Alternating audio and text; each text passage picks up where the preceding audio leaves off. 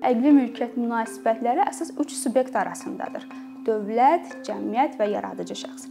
Belə ki, dövlət həmin yaradıcı şəxsə müstəsna hüquqlar verməklə, onun üçün daha yaxşı şərait, daha yaxşı mühit yaratmaqla onu yaradıcılığa sövq edir. Bu yaradıcılığın nəticəsində ki, əlbəttə ki, cəmiyyət fayda götürür. Bu gün görün həyatımızı asanlaşdıran nə qədər ixtiralar var, həyatımızı daha keyfiyyətli edən nə qədər əqli mülkiyyətin obyekti olan nəsnələr var və bu əqli mülkiyyətin inkişafı əslində cəmiyyətin və dövlətin inkişafıdır.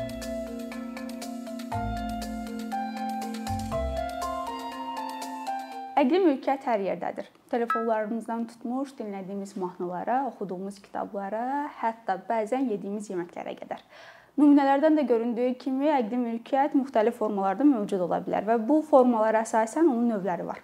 Müəlliflik hüququ, əmtəə nişanı və coğrafi göstəricilər, patent hüququ və s. Əslində əqli mülkiyyətdən anlayış verməli olsaq, mən deyərdim ki, əqli mülkiyyət bizim əqli fəaliyyətimizin müəyyən şərtlərə cavab verən nəticələrinə verilən hüquqlardır. Burada müəyyən şərtlərə cavab verməyin üstündə durmağımın əsas səbəbi odur ki, nümunələrdən də göründüyü kimi əqli fəaliyyət müəyyən zaman, müəyyən effort sərf edən bir fəaliyyətdir və adətən insanlar praktikada bununla tez-tez rastlaşırıq ki, müəyyən bir effort sərf edir, müəyyən zaman sərf edir və düşünür ki, artıq onun yaratdığı, ortaya gətirdiyi obyekt məsəl üçün əsər hesab edilə bilər və yaxud da ki, ixtira hesab edilə bilər və s. Amma qanunvericilikdə bunun müəyyən şərtləri var. Məsələn, əgər siz əsər yaratdığınızı düşünürsünüzsə, yaratdığınız əsər ilk növbədə müəlliflik və əlaqəli hüquqlar haqqında qanunun 6-cı maddəsində qeyd edilən e, nümunələrə, yəni obyektlərə aid edilə bilməli. İkinci növbədə orijinal olmalı, üçüncü növbədə isə ifadə formasında olmalıdır. Yəni ideyalar mühafizə olunmur. Əgər ağlınıza bir ideya gəldisə, onu ifadə etməli, təcəssüm elətdirməlisiniz. Eləcə də patent hüququnda ixtiraya, faydalı modelə, sənaye nümunəsinə müəyyənləşdirilmiş şərtlər vardır ki, sizin ərsəyə gətirdiyiniz obyektlər həmin şərtlərə cavab verməlidir. Müəlliflik hüququndan danışsaqsa, daha çox doğru bilinən yanlışlardan biri də ondan ibarətdir ki, müəlliflik hüquqlarının yaranması üçün qeydiyyat tələbi olmalıdır. Əslində bu mifin yaranmasına səbəb ondan ibarətdir ki, adətən bizdə hüquqların yaranması hansısa bir qeydiyyata, reyestrə tabe tutulduğu üçün insanlar məhz müəlliflik hüquqları haqqında da bunu fikirləşirlər. Amma yenə qanuna əsasən müəlliflik hüquqlarının yaranması və həyata keçirilməsi üçün hər hansı bir rəsmiləşdirmək tələbi yoxdur. Yəni siz bayaq qeyd etdiyim şərtləri ödəyən bir əsər yaratmısınızsa, artıq siz müəllif hesab oluna bilərsiniz. Bunun da əsas səbəbi odur ki, yaradıcı insanlar arasında formal tələbin ortadan qaldırılması, onların fəaliyyətinin daha da dəstəklənməsidir. Müəlliflik hüququnda qeydiyyat tələbi olmasa da siz arzu etdiyiniz halda əsərinizi qeydiyyatdan keçirə bilərsiniz. Bunun üçün isə Əqli Mülkiyyət Agentliyinə müraciət edirsiniz və agentlik sizə şəhadətnamə təqdim edəcəkdir ki, bu şəhadətnamə sizin sizi müəllif kimi tanıyır. Bunun üstün cəhətlərindən biri odur ki, sabah siz hər hansı bir mübahisə ilə qarşılaşdıqda bu şəhadətnamə məhkəmə tərəfindən heç bir sübut olmadığı halda müəlliflik prezumpsiyası kimi qəbul ediləcək. Amma əlbəttə ki, siz müəllifsəniz. Ola bilər ki, hər hansı bir yanılğı əsasında sizə həmin şəhadətnamə verilsin, müəllif başqa şəxs olsun və onun əlində yenə əsaslı sübutları varsa, siz yenə müəllif kimi tanınmayacaqsınız. Əlavə olaraq onu qeyd etməliyəm ki, bəzən əsər deyəndə insanların ağlına ancaq ədəbi əsərlər gəlir. Bu lakin belə deyil. Əsər dedikdə müəlliflik və əlaqəli hüquqlar haqqında müəlliflik hüququnun obyekti ola biləcək bütün obyektlər sadəcə əsər adı ilə adlandırılır. Yəni bu əsər kompüter proqramı da ola bilər, rəsm əsəri də ola bilər və s.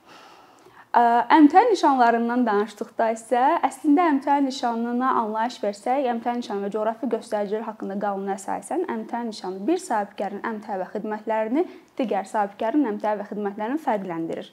Burada anlayışdan da göründüyü kimi əsas təyinat onun fərqləndirici olmasıdır.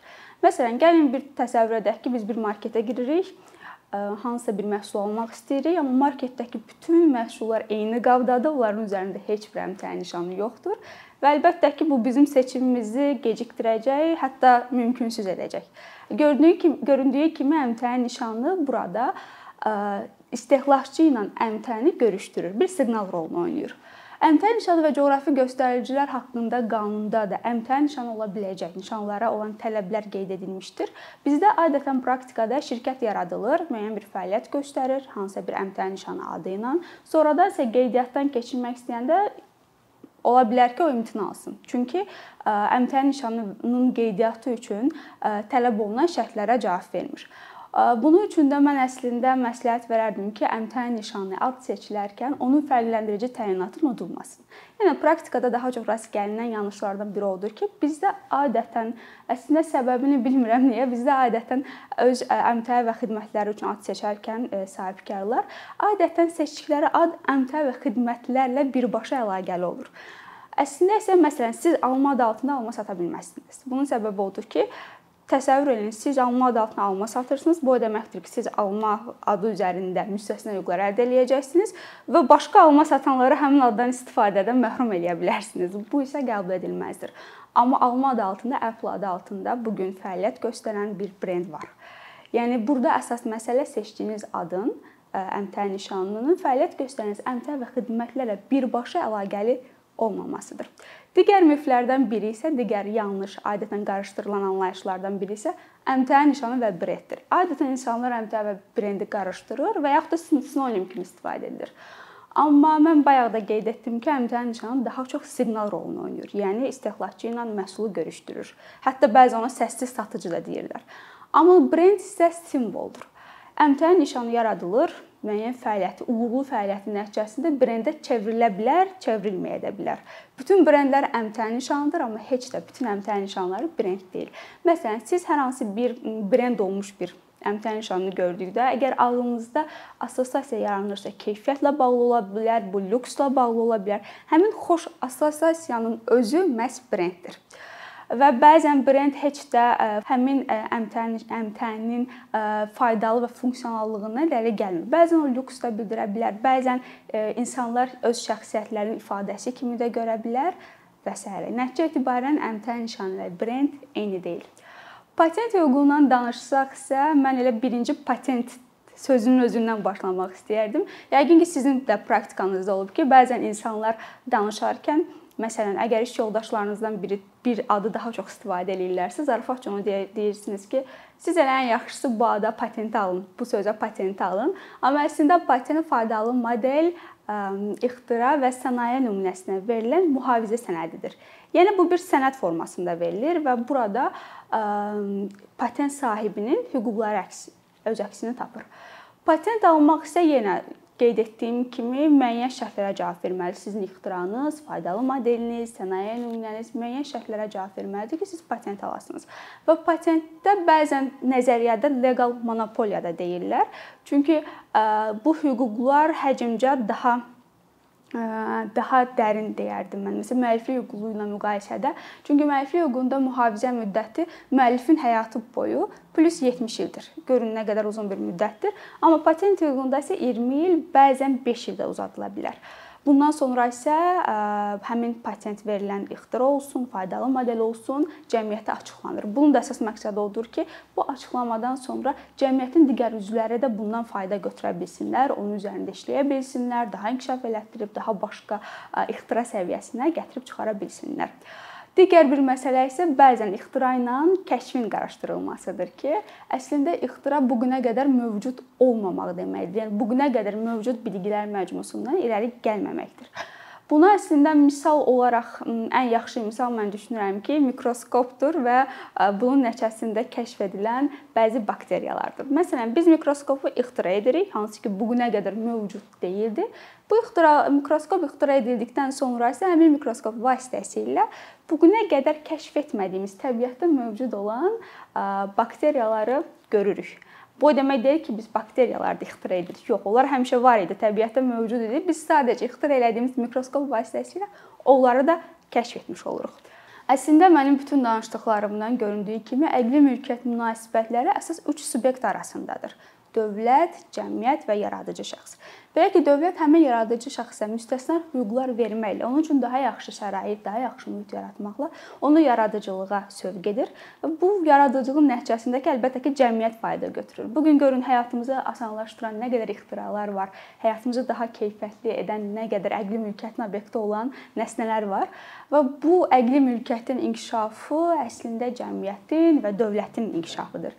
Əslində sonda isə bildirmək istəyərdim ki, bütün insanlar düşünməkdən, özlərini ifadə etməkdən, e, yaratmaqdan e, heç vaxt imtina etməsinlər, həmişə daha həvəsli olsunlar və bu təkcə onların özləri üçün deyil, həm də cəmiyyət üçün daha faydalı olacaq.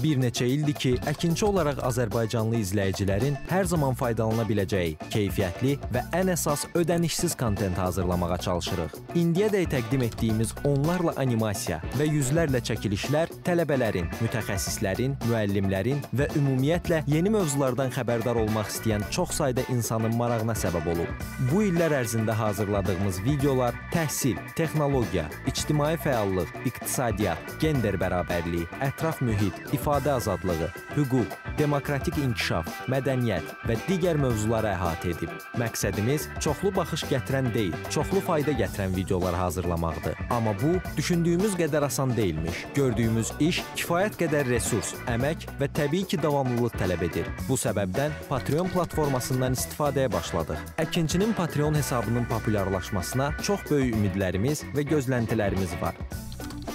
Bəziləriniz Patreon haqqında ilk dəfə eşidirsiniz. Əslində çox sadə izahı olan bir platformadır. Təsəvvür edin ki, siz rəssam və ya musiqiçisiniz. Sosial şəbəkələrdə sizi izləyən, işinizi bəyənən çox sayda insan var. Patreon platforması sizə imkan verir ki, izləyicilərinizin könüllü aylıq ödənişləri sayəsində işinizi davam etdirəsiniz. Sərgi, konsert zallarından asılı qalmayasınız. Amma bu təkcə rəssam və musiqiçilərə aid deyil. Məsələn, əkinçiyə bənzər fəaliyyətlə məşğul olan bəzi layihələrin 10 minlərlə patronu var. Biz də düşündük ki, nə üçün əkinçinin Patreon hesabı olmasın? Sizin dəstəyiniz sayəsində biz daha çox və daha keyfiyyətli kontent yaratmağa davam edə biləcəyik. Amma bu dəstək yalnız maddi dəstək deyil. Dəstəkçilərimizin sayının artması gördüyümüz işlərin faydalı olduğuna dair əminlik verir. Patreon platformasından istifadə çox sadədir. Hesabınızı açırsınız, sizə uyğun dəstək növünü seçirsiniz və Patreon özü hər ayın ilk günü kartınızdan seçdiyiniz dəstək növünə uyğun ödəniş tutur. Bu qədər. Sonda onu demək istəyirik ki, dəstəkçilərin sırasına qoşulmaq istəyən, amma məhdud imkana görə bunu edə bilməyənlər narahat olmasın. Daha öncə dediyimiz kimi, bizim əsas məqsədimiz daha çox insanın hər zaman faydalana biləcəyi keyfiyyətli və ödənişsiz kontentin yaradılmasıdır. Bunun üçün mütləq patronumuz patronumuz olmalısınız deyə məcburiyyət yoxdur. Amma imkanınız patron olmağa çatırsa və bizim işimizi bəyənirsinizsə, patronlarımızın sırasına qoşulmağınız bizim üçün çox önəmlidir.